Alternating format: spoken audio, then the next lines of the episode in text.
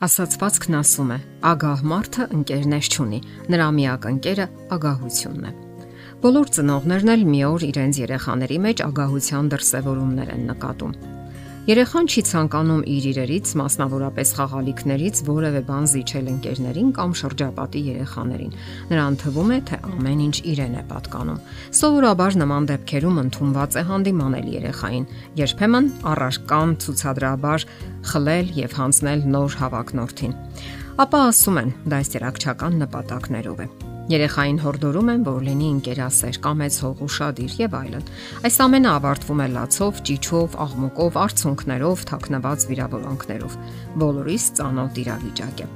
Իսկ որն է ճիշտ մտածումը այս դեպքում։ Սեփականության սրված զգացումը, թե առատաձեռնությունը։ Հարցն այն է, որ 3-ից 4 տարեկան երեխաների համար բնական վիճակ է, երբ ժլատություն ու անհանդուրժողականություն են դրսևորում հասակակիցների կամ մեծահասակների հանդեպ։ Ոտնձգությունը իր որևէ իրի հանդեպ նույնն է, ինչ ոտնձգություն իր անձի եսի հանդեպ։ Հաշվի առնելով կյանքի տվյալ փուլի հոգեֆիզիկական չափանիշները, մանկական բնավորության հիմնական գիծը համարվում է եսակենտրոնությունը։ Դրանից բացի, սեփականության անկալումը այդ տարիքի երեխայի մոտ միանգամայն այլ է մեծահասակի անկալումից։ 3-ից 4 տարեկան երեխայի համար սեփական իրը նույնացվում է իր անձին եւ պայքարելով իրեր ունենալու իր իրավունքների համար երեխան հաստատվում է այս աշխարհում, այսինքն դրսևորում է իրեն։ Մանկական ժլատությունը առավել բնորոշ է այն ընտանիքների երեխաներին, որտեղ ծնողները գիտակցաբար թե անգիտակցաբար կիրառում են դասյարակչական ծայրահեղ արմատական մեթոդներ։ Օրինակի համար դրանք այն ընտանիքներն են, որտեղ գործում է երեխան կուրք է սկզբունքը։ Այդպիսի երեխաները պարզապես երես են առնում հաճախ ավելորտ ուշադրությունից, հոգատարությունից, խնամակալությունից եւ իհարկե ավելորտ իրերից։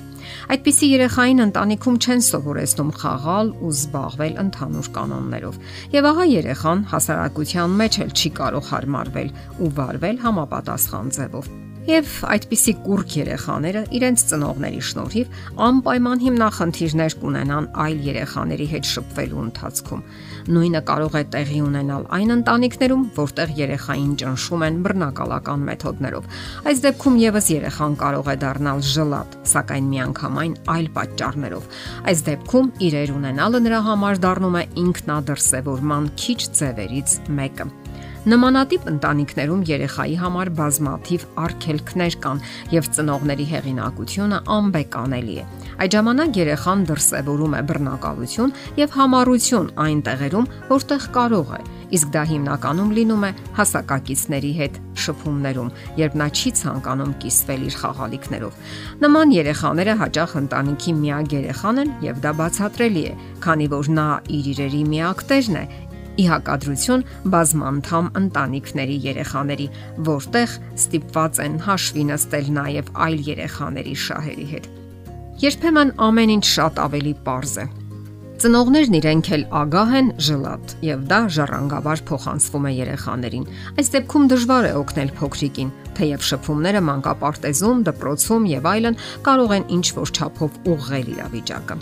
Անհրաժեշտ է սահմանագից անցկացնել նաեւ ժլատության եւ խնայողության միջև։ Այստեղ նույնպես դեր ունեն ընտանեկան ավանդույթները։ Որոշ ընտանիքներում ամփույթ են իրերի նկատմամբ, իսկ որոշներում խնայողաբար են վերաբերվում։ Արժե որ մեծահասակները իրենց նայեն կողքից։ Իսկ ինչպես եք վարվում դուք ընտանիքում կամ աշխատավայրում։ Ասենք որ խնայողությունը ված հատկություն չէ։ Խնայող երեխան կարող է կիսվել իր խաղալիքներով մտերիմ մարդկանց հետ, իսկ ահա անծանոթներին նա չի վստահի մտածելով. դե ամեն ինչ էլ կարող է պատահել, կկորցնեն, կփչացնեն։ Այս ճափավոր խնայողությունը հիմք է դնում մեկ այլ կարևոր որակի՝ պատասխանատվության որը պետք է դրսևորվի հետագայում։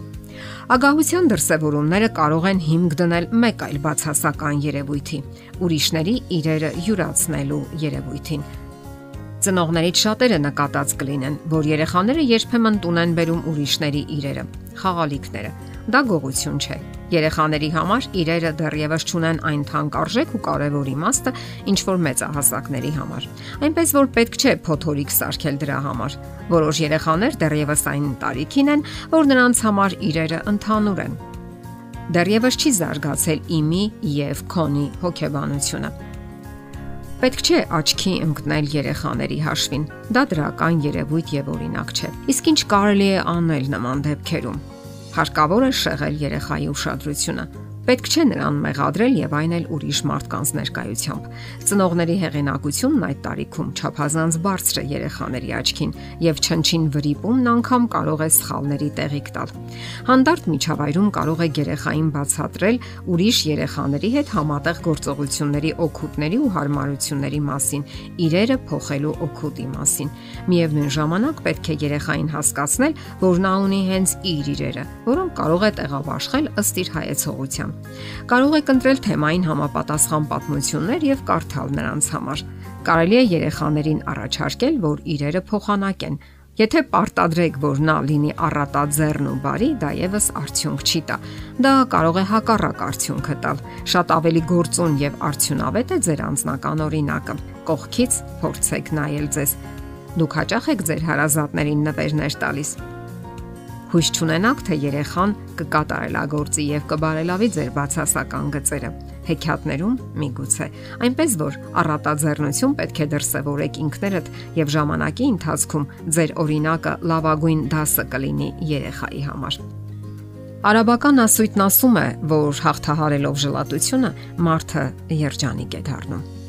Եթերում ընտանիք հաղորդաշարներ։ Ձեզ հետ է Գեղեցիկ Մարտիրոսյանը։ Հարցերի եւ առաջարկությունների համար զանգահարել 033 87 87 87 հեռախոսահամարով։